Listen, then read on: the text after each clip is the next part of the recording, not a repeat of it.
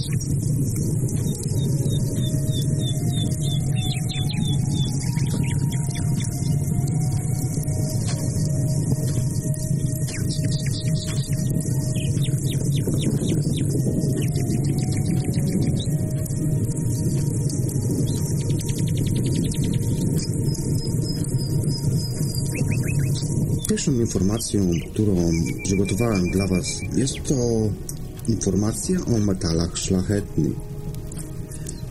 Zaliczamy do nich platynowce oraz niektóre metale z grupy miedzionowców. Ze względu na niską reaktywność mogą one występować w przyrodzie w postaci rodzimej. Występują rzadko, co sprawia, że ich cena jest bardzo wysoka. Należą do metali niezależnych, ciężkich i odznaczają się niską reaktywnością chemiczną, dobrą rabialnością i przewodnością oraz pięknym wyglądem. Już w prehistorii wykonywano z nich ozdoby, biżuterię oraz przedmioty kultowe. Bardzo szybko stały się też środkiem płatniczym. W starożytności bito z nich monety, a do połowy XX wieku była z nimi związana wartość niektórych walut. Monety z metali szlachetnych miały dokładnie ustaloną wagę oraz stopień czystości. Ze względu na świetną przewodowość elektryczną i odporność na korozję, obecnie metale szlachetne wykorzystywane są również w przemyśle elektrotechnicznym, medycynie i wielu, wielu innych dziedzinach. Nie chodzi tylko o złoto, srebro i platynowce, takie jak na przykład platyna, palat czy też rod, ale również o mniej znane, lecz o wiele cenniejsze metale ziem rzadkich, przykład takie jak lit, beryt, itr, skand i wiele, wiele innych. Zapewne tych nazw wielu Was też nie zna, bo trudno wszystko spamiętać. Raczej to należy do specjalistów, którzy się po prostu w tym specjalizują. No ale przejdźmy może dalej. Z jakich pierwiastków jest zbudowana Ziemia? Których jest najwięcej, a których najmniej? Najbardziej rozpowszechnionym pierwiastkiem na Ziemi jest żelazo. Występuje niego 32,1%. Tuż za nim plasuje się niezbędny do życia tlen. Dokładnie to 30,1%. Wraz z kolejnymi siedmioma pierwiastkami, a więc takimi jak krzem 15,1%, magnezem 13,9%, siarką 2,9%, niklem 1,8%, wapniem 1,5%, glinem 1,4% i chromem 0,4%. to niemal 98% składu chemicznego Ziemi. Na wszystkie pozostałe pierwiastki przypada naprawdę niewiele. A jak to wygląda w widzialnym wszechświecie? Tam jest wszystko zupełnie inaczej. Z pewnością najwięcej jest wodoru, bo jest jego około 74% oraz helu około 24%. Tlenu i węgla w masie wszechświata jest łącznie około 0,15%. Minerały to pierwiastki lub związki chemiczne występujące w formie ciał krystalicznych, których struktura ukształtowała się w wyniku długoterminowych procesów geologicznych. Są to substancje, które w skorupie ziemskiej powstały w sposób naturalny. Obecnie znamy około 3000 minerałów. Niektóre z nich występują częściej, np. kwarc, oraz inne są rzadsze i cenne, np. złoto i diamenty.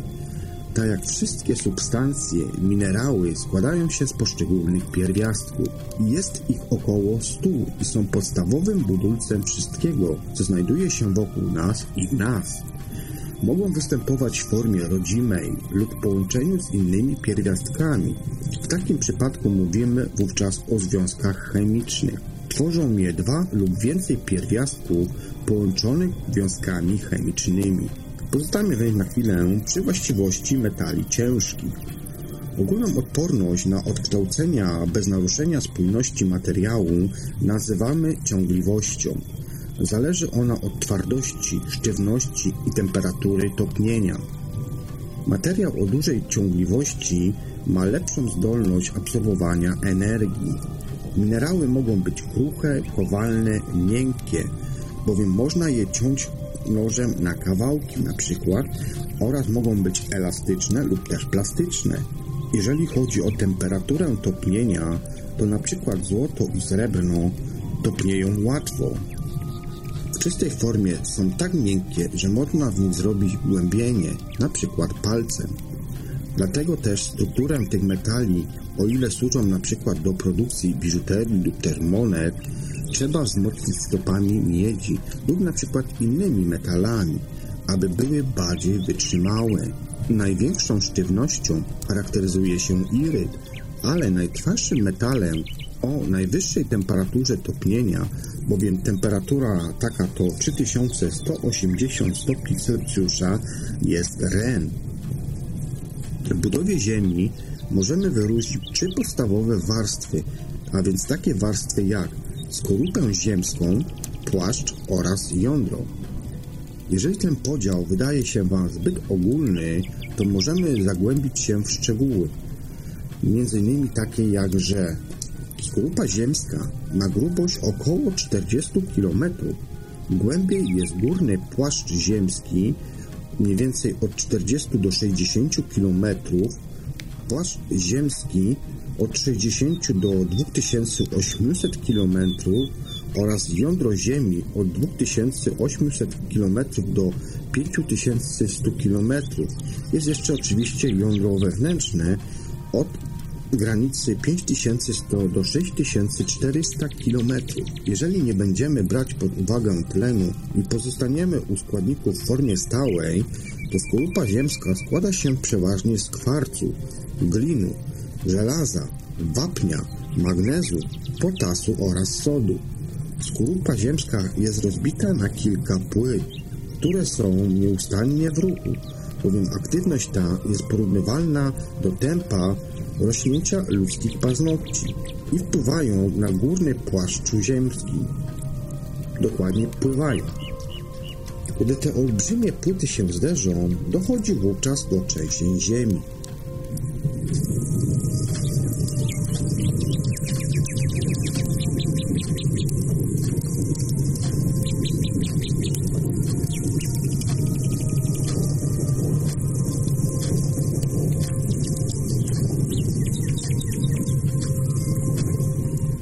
No dobrze, ale skoro jesteśmy już przy metalach szlachetnych, to przejdźmy do takich metali, które noszą nazwę metali technologicznych. Pojęcie metale technologiczne jest stosunkowo nowe, w przeciwieństwie do faktycznego wykorzystywania metali w nauce i przemyśle. Termin metale technologiczne w 2007 roku prowadził amerykański chemik oraz fizyk Jack Lifton. Od tego czasu jest on często stosowany w przemyśle. Ogólnie można powiedzieć, że metale technologiczne to w zasadzie metale szlachetne oraz takie, które są niezbędne do produkcji urządzeń, np. takich jak high-tech oraz systemów inżynieryjnych. Do tej kategorii trzeba by było zaliczyć komercyjną produkcję miniaturowych urządzeń elektrycznych, zaawansowane systemy zbrojeniowe, generowanie elektryczności przy użyciu alternatywnych źródeł, np. paneli solarnych lub turbinowych wiatrowych oraz magazynowanie elektryczności za pomocą baterii czy też ogniw. Istnieje oczywiście mnóstwo innych zastosowań tych pierwiastków. Prawie wszystkie metale technologiczne są produktem ubocznym obróbki podstawowych metali, z wyjątkiem takich szlachetnych jak np. litu. Jeszcze przed II wojną światową znano wiele metali, dla których nie było żadnego praktycznego zastosowania. Należały do swego rodzaju ciekawostek laboratoryjnych, pozyskiwanych w niewielkiej ilości i ogromnym kosztem. Były to tak zwane minus metals, w tłumaczeniu na metale rzadkie, w przeciwieństwie do metali podstawowych, które stosowano masowo. Przemysł bowiem nie wiedział, jak je wtedy wykorzystać. W tamtych czasach było wszystko jedno, jak rzadko te metale występowały w naturze. Nie wydobywano ich, ponieważ nie były do niczego one potrzebne. Klasycznym przykładem mniejszościowych metali był na przykład nikiel, ale do czasu, kiedy w 1919 roku zaczęto produkować stal nierdzewną, wówczas nikiel stał się bardzo cenionym pierwiastkiem. Na początku XX wieku zespół inżynierów z amerykańskiego konglomeratu General Electric opracował plastyczny wolfram, który to w błyskawicznym wstępie zastąpił metalowe włókna w klasycznych żarówkach. Wydobycie oraz produkcja wolframu szybko wzrosły, nagle znaleziono też wiele również innych zastosowań dla tego metalu, bowiem służył on na przykład do produkcji pocisków przeciwpancernych lub węglika spiekanego, czyli popularnej wili. W ciągu niecałych 20 lat Wolfram przesunął się z rubryki ciekawy, ale bezużyteczny do grupy najważniejszych materiałów przemysłowych. Gdyby w 1920 roku istniało pojęcie, który, którym dzisiaj się posługujemy, metale technologiczne, to Wolfram byłby wtedy królem. Kolejnym interesującym przykładem może być na przykład glin, inaczej nazywany jako aluminium. Pod koniec XIX wieku był droższy niż złoto, a w 1885 roku ozdobił wierzchołek pomnika Washingtona jako symbol amerykańskiego bogactwa i dobrobytu. Wówczas tylko prawdziwy wizjoner albo szaleniec mógł przekonać się, że w ciągu kilku dekad garków czy też patelni wykonanych z aluminium będą używać je również zwykli ludzie. To samo można powiedzieć o nierdzewnej stali niklowej, w której dziś produkuje się klasyczne wyposażenie kuchni. Druga wojna światowa była motorem napędowym rozwoju do tej pory zaniedbywanych dyscyplin akademickich. Badano właściwości metali nie tylko z punktu widzenia standardowej struktury, ale również innych własności, takich na przykład jak przewodność elektryczna czy też magnetyzm oraz jakieś tam inne podobne rzeczy. Rozpoczął się nowy etap rozwoju technologicznego, a więc era elektroniki. Ale dlaczego właśnie wojnie zawdzięczamy tak naprawdę taki szybki rozwój tej elektroniki? Z prostego i plastycznego powodu. Aspekt ekonomiczny oczywiście nie grał tutaj roli, natomiast priorytetem było bezpieczeństwo narodowe. Dlatego też pracowano nad rozwojem nowoczesnych silników odrzutowych, radio i telekomunikacyjnych oraz radarów, inżynierii komputerowej oraz superbroni, nie zważając wtedy na koszty. Fizycy, chemicy i inżynierzy oraz inni innowatorzy technologiczni wówczas połączyli swoje siły, co w takiej skali zdarza się może raz na tysiąc lat inżynierowie, chemicy nagle zaczęli systematycznie pracować nad sposobami wykrywania, rafinowania i masowej produkcji do tej pory mniejszościowych metali, które stały się niezbędnymi do rozwoju nowych technologii. Wkrótce też pojawiły się dotychczas niespotykane, trzeba tu oczywiście czytać w dużej ilości czystego surowego krzemu oraz germanu, galu, indymu, uranu, toru i metali ziem rzadkich, na przykład już wspomnianego przeze mnie wcześniej litu. Z technologii przeznaczonych początkowo do celów wojennych stopniowo rodziły się urządzenia dostępne dla zwykłych śmiertelników, a więc takie urządzenia jak komputery komercyjne, miniaturowa elektronika, technologie komunikacyjne.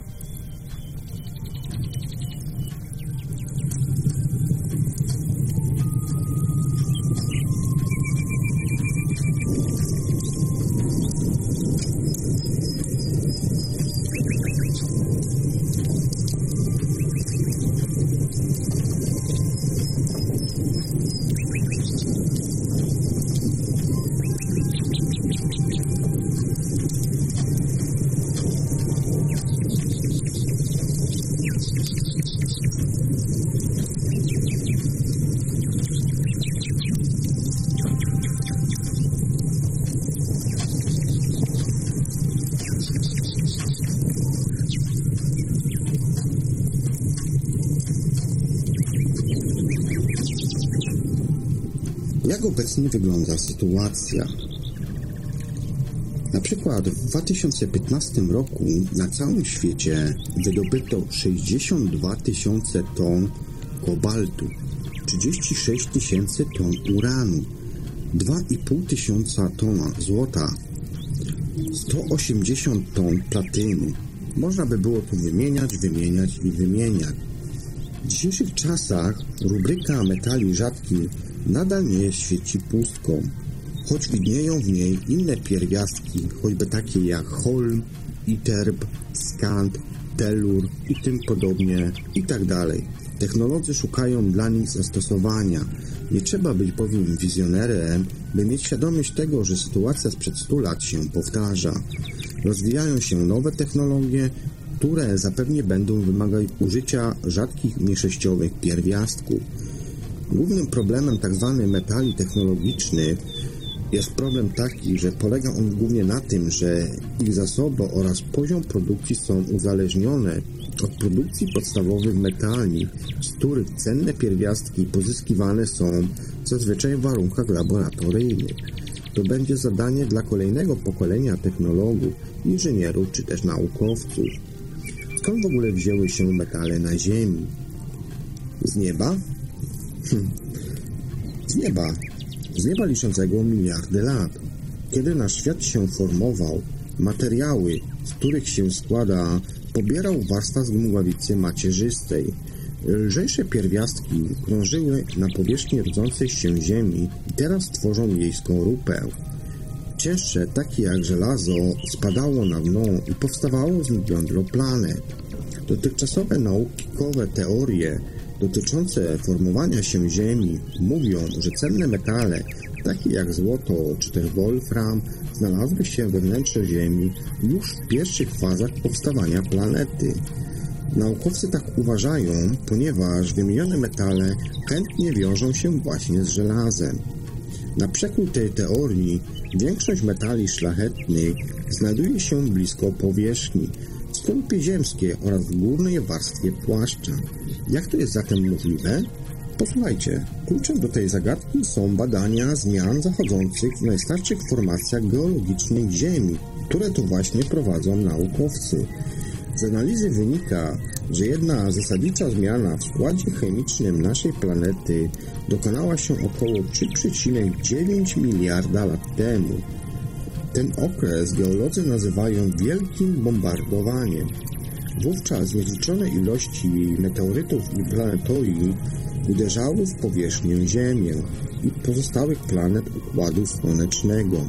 Właśnie stąd pochodzi większość cennych metali znajdujących się na naszej planecie. Jak naukowcy doszli więc do takich wniosków? Doszli oni do takich wniosków na podstawie badań izotopów i analitycznych porównań najstarszych warstw geologicznych z młodszymi. W raportach podają, że w czasach przed już wspomnianym wielkim bombardowaniem skały zawierały o wiele mniej metali szlachetnych niż w epokach po nich. Prawdziwym symbolem metali szlachetnych i cennych kruszców jest, jak się nie trudno tutaj domyślić, złoto. Ten błyszczący metal miał bardzo duży wpływ na dzieje ludzkości, a jego wartość oraz wygląd i właściwości nie przestają fascynować ludzi nawet po tylu już wielu tysięcy latach. Co więc za to warto o tym metalu wiedzieć? W grupie ziemskiej w stanie macierzystym występuje około 100 pierwiastków. Z punktu widzenia rzadkości występowania złoto plasuje się dopiero na 58 miejscu. Złoto znajduje się pod powierzchnią wszystkich siedmiu kontynentów. Naukowcy uważają, że na odkrycie i wydobycie czeka aż 80% złota, a do tej pory uszczuplono zasoby ziemi tylko o 20%. Dwie trzecie światowych zasobów złota pochodzi z kopalni w RPA. Największym konsumentem i odbiorcą złota obecnie są Indie. Naukowcy sądzą, że złoto można znaleźć również na Marsie, Merkurym czy też Wenus. Szacuje się, że w oceanach znajduje się aż 10 miliardów ton złota. Najdroższa moneta na świecie to tak zwana Double Eagle z 1933 roku. W 2002 roku została ona sprzedana na aukcji w Nowym Jorku za ponad 7,5 miliona dolarów. Symbol chemiczny złota jest to AUN. Jest to skrót łacińskiego słowa aurum, które oznacza błyszczący świt. Absolutnie czyste złoto jest tak miękkie, że można go kształtować gołymi rękoma. Jest to najbardziej plastyczny i najbardziej kowalny metal na świecie. Jedną uncję złota, to jest wartość 28,35 gramów, można rozpłaszczyć młotkiem na powierzchni 9,29 metra kwadratowego. Z jednej uncji złota można wykonać drut o długości 90 km. Temperatura topienia złota wynosi 1128 stopnia Celsjusza. Złoto świetnie przewodzi prąd elektryczny. Największy złoty samorodek na świecie to Hand on Face, czyli wierna ręka, znaleziony w Australii w 1980 roku za pomocą wykrywacza metali. Ważył prawie 22 kg. W 1869 roku również w Australii dwaj mężczyźni przypadkiem znaleźli samorodek o rozmiarach 20 na 63 cm. Otrzymał on nazwę Welcome Stranger, czyli mile widziane nieznajomy. Niektórzy pacjenci z zaawansowanym reumatoidalnym zapaleniem stawu dla złagodzenia potwornego bólu otrzymują zaszczyki zawierające złoto. Do 1912 roku zwycięzcy zawodnicy na olimpiadzie otrzymywali metale z czystego złota. Wizjery hełmów kosmonautów są pokryte cienką warstwą złota, która znacząco reguluje jasność i żar promieni słonecznych. Złoto i miedź były pierwszymi metalami, które człowiek odkrył około 8 tysięcy lat temu. Pierwsza złota moneta powstała około 2600 lat temu w królestwie Lidii z rozkazu króla Krezusa. Na koniec jeszcze taka ciekawostka, bowiem starożytni Aztekowie nazywali złoto Teukuitatl, czyli odchody bogów.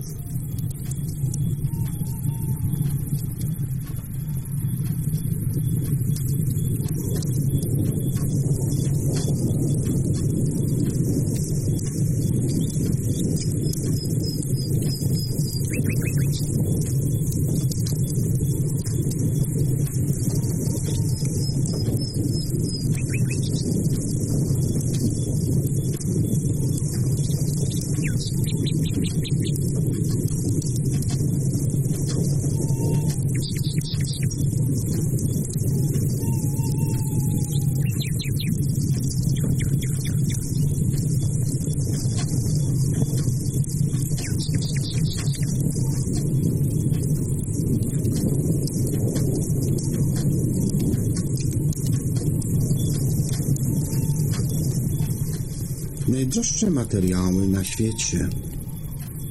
Jeżeli nie będziemy brać pod uwagę hipotetycznej antymaterii, niektórych syntetycznych narkotyków ani rogów nosorożca, to czyste złoto oraz srebro możemy z powodzeniem zaliczyć do drogich materiałów, jednak nie znajdziemy ich na czele rankingu najdroższych metali. Jaki jest ten zatem ranking? Posłuchajcie, wymienię Wam 9 pozycji. Pierwsze miejsce jest to Kaliforn. Zajmuje on oczywiście, tak to miałem wcześniej, pierwsze miejsce. Jest on bardzo radioaktywnym pierwiastkiem odkrytym, jak sama nazwa wskazuje, w Kalifornii na początku 1950 roku.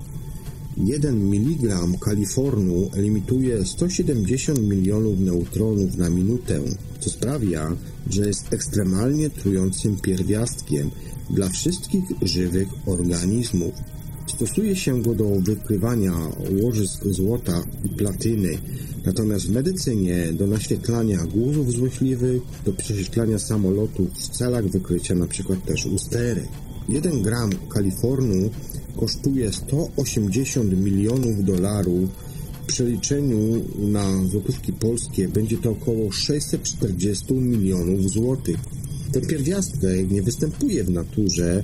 Otrzymano go bowiem w wyniku bombardowania izotopu Curu cząstkami alfa. Drugą pozycję zajmuje diament, w jubilerstwie nie znajdziemy droższego materiału od diamentu, ponieważ gram kosztuje dziś mniej więcej 55 tysięcy dolarów. W przeliczeniu na złotówki polskie będzie to kwota około 200 tysięcy złotych.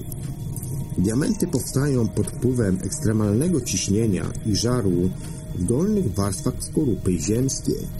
Pierwsze diamenty w głębi Ziemi zaczęły pojawiać się już 3,2 miliarda lat temu. Pozycja numer 3. Tryt. Gram trytu kosztuje 30 tysięcy dolarów, czyli około 110 tysięcy złotych. Ten pierwiastek powstaje w naturze chwili, kiedy promieniowanie kosmiczne bombarduje atomy azotu i deuteru. Deuter to jest izotop wodoru o wyższej masie atomowej. Tryt ma właściwości fluorescencyjne, jest on stosowany do produkcji niektórych rodzajów oświetlenia miejskiego i logistycznego oraz w zegarmistrzostwie czy też w przemyśle zbrojeniowym. Numer 4 na tym rankingu najdroższych materiałów na świecie to jest Tough Fate. Drugim najdroższym, tak jak wspomniałem wcześniej, jest właśnie ten pierwiastek, a właściwie jest to nie pierwiastek, a diament który po raz pierwszy poddano szlifowaniu i polerowaniu 70 lat temu. Gram bowiem kosztuje 20 tysięcy dolarów, to jest około 70 tysięcy złotych. Ten kamień po obróbce ma atrakcyjne, opalizujące zabarwienie w skali od czerwieni do purpury. Numer 5 w tym rankingu to jest Pine Po raz pierwszy został on znaleziony przez brytyjskich mineralogów około 60 lat temu w Birmie, obecnie jest to Miyama. Gram kosztuje 9 tysięcy dolarów, co przynosi kwotę na złotówki 32 tysiące złotych. Numer 6. Pluton. Pluton otrzymali naukowcy w wyniku bombardowania uranu jądrami deuteru. Gram dwutlenku plutonu kosztuje około 5800 dolarów w przeliczeniu 20 tysięcy złotych. Czysty pluton jest jeszcze droższy niż tą kwotę, którą Wam tutaj podałem. Jest on wykorzystywany w reaktorach jądrowych do produkcji energii elektrycznej. Siódme miejsce to platyna, ten szlachetny metal ma szeroki zakres zastosowań, bowiem służy do produkcji biżuterii, aparatury chemicznej, elektrod, katalizatorów samochodowych, elektronicznych urządzeń pomiarowych i wielu, wielu, wielu innych. Gram platyny kosztuje przeciętnie 60 dolarów, co na złotówki daje nam kwotę około 215 zł. Numer 8 jest to rod. Ma on podobną strukturę jak platyna i również należy do grupy metali przejściowych. Ponad 60% światowych zasobów tego pierwiastka znajduje się w Afryce Południowej. Rod wykorzystywany jest do produkcji naczyń laboratoryjnych, narzędzi chirurgicznych oraz powłok refleksyjnych w reflektorach. Gram kosztuje około 58 dolarów. W przeliczeniu będzie to kwota 207 zł. Dziewiąte miejsce najdroższych materiałów na świecie zajmuje złoto. Złoto uplasowało się pod koniec pierwszej dziesiątki najdroższych materiałów na świecie. Obecnie za gram płaci się około 55 dolarów, czyli około 196 zł. Niektóre ceny podawane w rankingu ulegają znacznym okresowym wahaniom. Duży wpływ na nie ma nie tylko popyt na biżuterię i zapotrzebowanie na materiały, ale przede wszystkim aktualne konflikty zbrojne i niestabilna sytuacja polityczna na świecie. Złoto jest tego świetnym przykładem. Ale jeszcze, żeby tak troszkę Was podkorcić, bo przecież, jak już wspomniałem we wcześniejszych informacjach, złota raptem wydobyto do tej pory 20%. Więc polecam zakupić, jeżeli kogoś to oczywiście interesuje, polecam zakupić wykrywacze i szukać. Tylko są jeszcze inne problemy, a między innymi takie, że jak znajdziecie, to trzeba to zgłosić.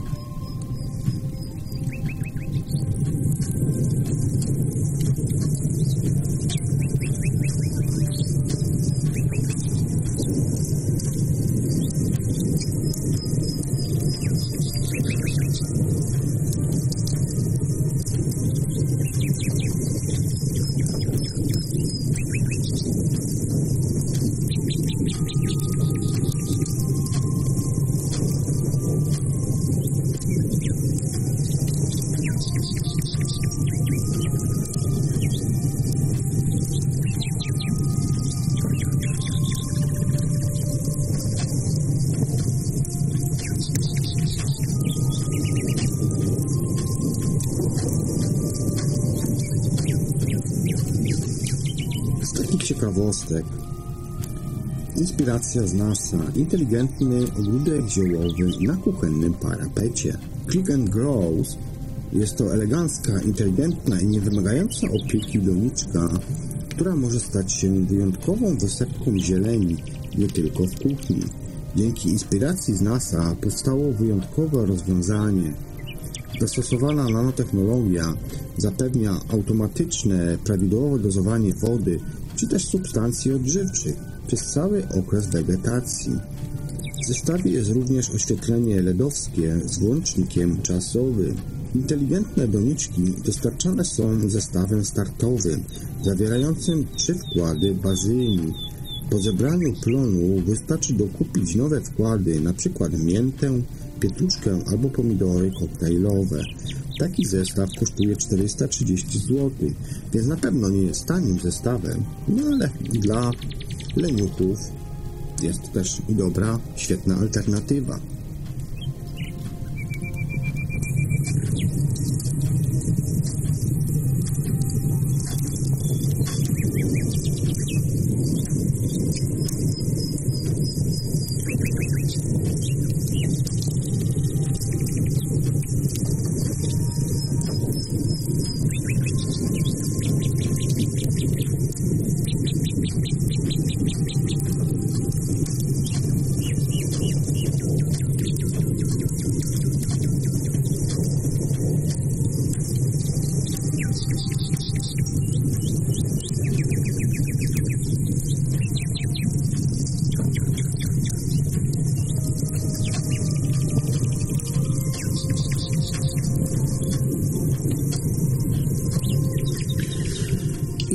Ciekawostką z dziedziny transportu to jest takie urządzenie, które się nazywa UnoBolt.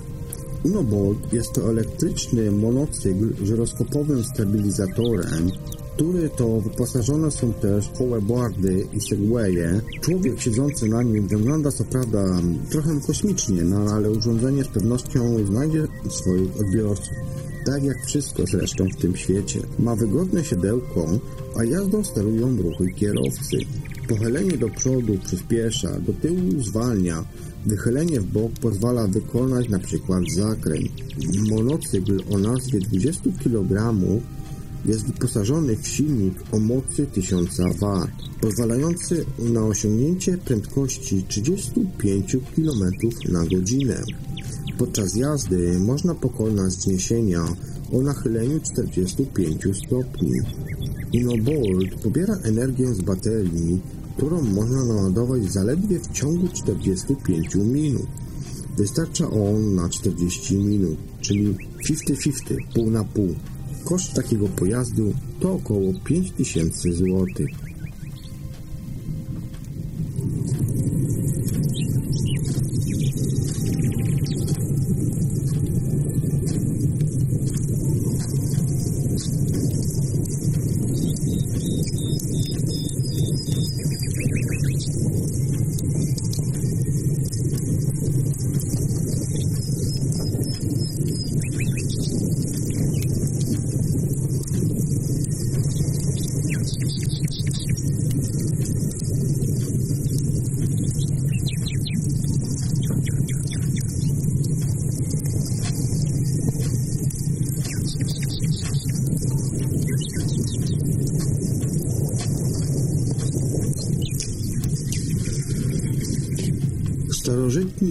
Władcy świata Aleksander Macedoński Władca, który nie doznał porażki, zdobywca całego ówczesnego świata Aleksander Macedoński.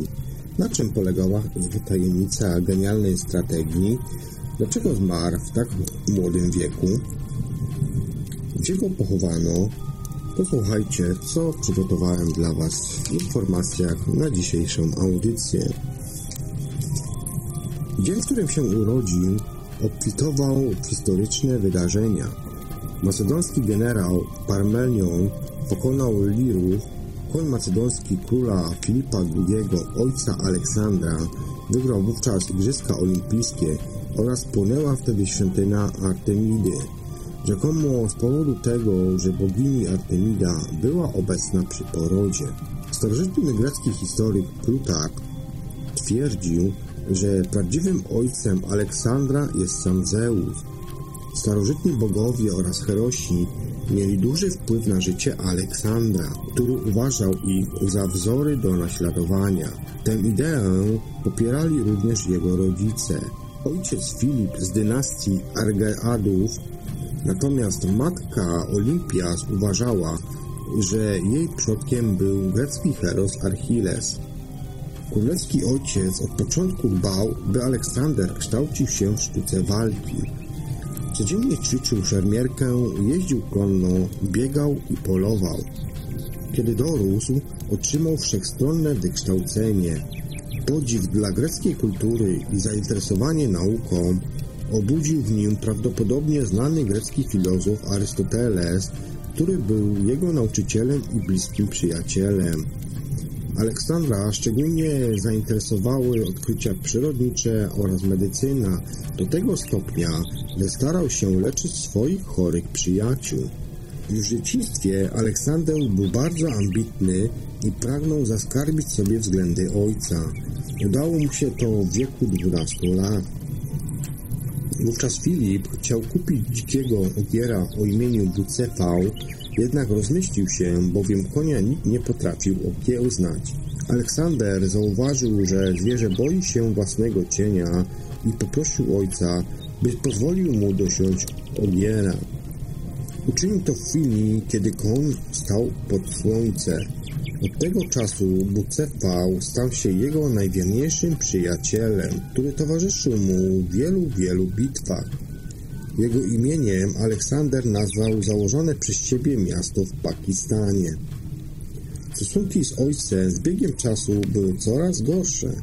Kiedy Filip ożenił się po raz piąty, sytuacja była bardzo napięta. Stryj panny młodej podczas uroczystości weselnych oświadczył, że Filip wreszcie będzie mógł spłodzić legalnego dziedzica. Na to Aleksander odpowiedział mu, cytuję, Chcesz przez to powiedzieć, że jestem bastardem? Koniec cytatu.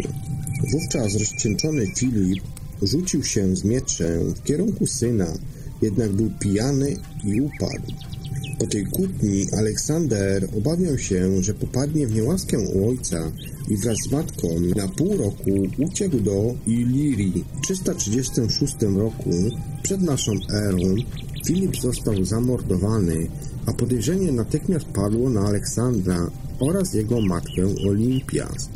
Aleksander jednak natychmiast po objęciu tronu rozkazał ściąć każdego, kto uważał, że jest odpowiedzialny za śmierć swojego ojca. Kiedy zabrakło Filipa, mieszkańcy Aten i Teb wyczuli okazję do odzyskania niepodległości, bowiem uważali Aleksandra za niedoświadczonego młodzieńca. Młody macedoński władca jednak wyruszył ze swoim wojskiem do Teb, a jego mieszkańcy musieli przysiąść mu wierność. W 335 roku przed naszą erą stłumił powstanie Traku, pokonał on również Ilirów. Niedługo potem zaczął realizować swoje marzenia o opanowaniu całego świata. By to osiągnąć, musiał najpierw pokonać potężne imperium perskie, nad którym w owych czasach panował król Dariusz III, żyjący w latach 381 do 330 roku przed naszą erą. W kilku mniejszych bitwach przeciwko niemu Aleksander wykazał się świetną znajomością taktyki i strategii. Do dziś uczy się o nim na akademiach wojskowych, ponieważ przeszedł on do historii jako dowódca, którego nikt nigdy nie pokonał. Imperium Perskie w połowie IV wieku przed naszą erą było największym mocarstwem na świecie. Do pierwszego większego starcia pomiędzy Persami a Macedończykami doszło w bitwie nad Granikiem 334 roku przed naszą erą.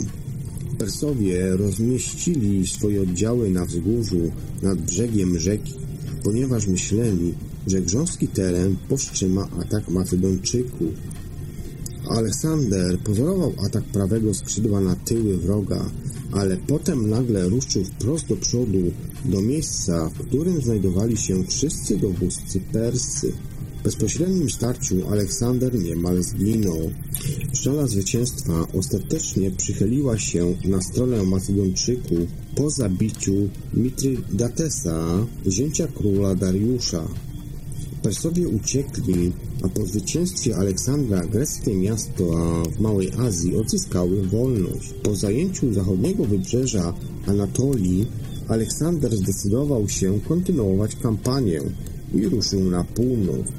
Zimę spędził w mieście Ligordion we Frygii. W mieście była świątynia Zeusa, a w niej znajdował się stary królewski wóz, którego jarzmo i dyszel były połączone skomplikowanym węzłem. Legenda głosiła, że ten, kto rozwiąże węzeł, stanie się władcą całego świata. Aleksander próbował to zrobić, ale stracił cierpliwość i przeciął węzeł gordyjskim mieczem. Kilka lat później naprawdę udało mu się podbić cały ówczesny świat. Kiedy Aleksander wraz z Grekami wyruszył w kierunku granic Syrii, Dariusz wykorzystał sytuację i odciął Macedończykom trasy zaopatrzeniowe. W 333 roku przed naszą erą doszło do decydującej bitwy pod Isos. Persowie mieli wielką przewagę liczebną. Lewe skrzydło wojsk perskich osłaniały wzgórza, a prawe wody rzeki. Pozycje chronione dodatkowo palisadą na urwistym brzegu wydawały się niemal nie do zdobycia. Nie oczywiście dla Aleksandra, który najpierw rozgromił lewe skrzydło, a potem zaatakował samego Dariusza, który w obawie przed pojmaniem uciekł wraz z pozostałymi przy życiu żołnierzami. Macedończycy prześladowali ich aż do Damaszku, gdzie wydano im cały królewski majątek. Po bitwie Aleksander pojmał rodzinę Dariusza, dlatego król, chcąc uratować swoją żonę i dzieci, zabiegał o zawarcie przymierza. Aleksander odpowiedział mu, że stanie się tak, jeżeli uzna go za króla Azji. W międzyczasie wojska macedońskie zajęły Egipt, a Aleksander ogłosił się faraonem. Został przywitany jako oswobodziciel, dlatego też pozostawił w rękach Egipcjan większość funkcji administracyjnych w kraju. Na wybrzeżu Morza Śródziemnego założył Aleksandrię, która po jego śmierci, głównie dzięki Bibliotece Aleksandryjskiej, stała się ośrodkiem kulturalnym cywilizacji śródziemnomorskiej. W 332 roku przed naszą erą, w trakcie bitwy pod Gaugamelą, wojska macedońskie po raz ostatni starły się z olbrzymią armią perską, wyposażoną w rydwany oraz słonie bojowe. Aleksander znów udowodnił, że jest genialnym strategiem. Pozwolił swojemu wojsku, by odpoczęło i wyspało się, natomiast Persowie całą noc czekali na nocny atak wrogu. Łucznicy Aleksandra najpierw wystrzelali woźniców rydwanów, poradzili sobie również ze słoniami. Kiedy w linii wojsk perskich pojawiła się luka, Macedończycy natychmiast z niej skorzystali i zaatakowali samego króla Dariusza, który znów uciekł z pola bitwy. Aleksander zdobył całe wówczas imperium perskie. Aleksandrowi już nic nie przeszkodziło w zdobyciu Mezopotamii. Kiedy wkroczył do Babilonu, ogłosił się królem Azji, a miasto zamierzał uczynić stolicą swojego imperium. Babilonie znalazł niezmiernie bogaty skarbiec królewski, dzięki czemu pozbył się wszelkich problemów finansowych. Ciągle jednak miał obawy powrotu Dariusza. Ten problem rozwiązał za niego Bessos, krewny króla Perski, który pojmał Dariusza i kazał go zamordować. Aleksander potraktował swojego wieloletniego przeciwnika z szacunkiem, bowiem jego ciało uroczyście pochowano w grobowcu królewskim. Po objęciu władzy Aleksander chciał zaskarbić sobie względy perskiej arystokracji, dlatego też usiłował połączyć wojska perskie oraz macedońskie, co nie spodobało się greckim żołnierzom. Aleksandrowi przypadł do gustu orientalny zwyczaj, zaczął on wymagać, by składano mu również hołdy. Każdy, kto chciał z nim rozmawiał, musiał się ukłonić, klęknąć i dotknąć czołem ziemi. To wywołało jeszcze większą niechęć jego żołnierzy. Ostatnia bitwa Aleksandra odbyła się w 326 roku przed naszą erą nad rzeką Hydaspes. Tam armia macedońska starła się z wojskiem hinduskim. Po zwycięstwie okupionym wielkimi stratami, wyczerpani Macedończycy odmówili marszu dalej na wschód. Aleksandrowi nie pozostało nic innego niż zawrócić, jednak już wtedy planował zdobycie całego Półwyspu Arabskiego. O jego ambicjach świadczy to, że zamierzał wybudować drogę aż do cieśniny gibraltarskiej. Nigdy nie osiągnął tego celu nigdy nie zobaczył już ojczystej Macedonii. W drodze powrotnej zmarł jego najlepszy przyjaciel Hefajstion. Aleksander wyprawił mu kosztowny pogrzeb, pogrążył się w rozpaczy i zaczął nadużywać alkoholu. Niedługo po śmierci Hefajstiona zachorował i po 12 dniach zmarł. Podejrzewano, że przyczyną jego śmierci była malaria, tyfus lub gorączka zachodniego Nilu. Podejrzewano, że przyczyną jego śmierci była malaria, tyfus lub gorączka zachodniego Nilu. Najnowsze badania jednak wskazują na to, że zmarł po wypiciu wina z domieszką ciemiężycy białej. Rośliny używano często podczas biesiad do wywoływania wymiotu. Nie wiadomo jednak, czy śmierć Aleksandra była nieszczęśliwym wypadkiem, czy morderstwem. Ciało wielkiego władcy przechowywano w bogato zdobionym sarkofagu zalanym miodem. Po kilku dniach sarkofag załadowano na złoty wód i odwieziono do miasta Aigai. Po drodze na oszak napadli jeźdźcy pod dowództwem Ptolemeusza i odwieźli zabalsamowane zwłoki do Aleksandrii. Długo nie było wiadomo, gdzie znajduje się grób Aleksandra. W 1995 roku archeolog Lena Souwalski dokonała przełomowego odkrycia w oazie Siwa na zachód od Aleksandrii. Znalazła grobowiec mężczyzny o imieniu Aleksander, strzeżony przez posągi lwów. Ze względu na niestabilną sytuację polityczną, wykopaliska zostały wstrzymane. Po śmierci Aleksandra władzę w jego imperium przejęli Diadochowie, dowódcy jego armii. Wkrótce rozpętały się pomiędzy nimi konflikty zbrojne o kontrolę nad ziemiami podbitymi przez Aleksandra. Jego małżonkę, syna i matkę zamordowano, nie było żadnego dziedzica, rozpadło się też również imperium. Nie rządził długo, jednak efekty jego podbojów były ogromne. Dzięki zakładanym przez niego koloniom greckim powstała i rozprzestrzeniła się kultura helenistyczna.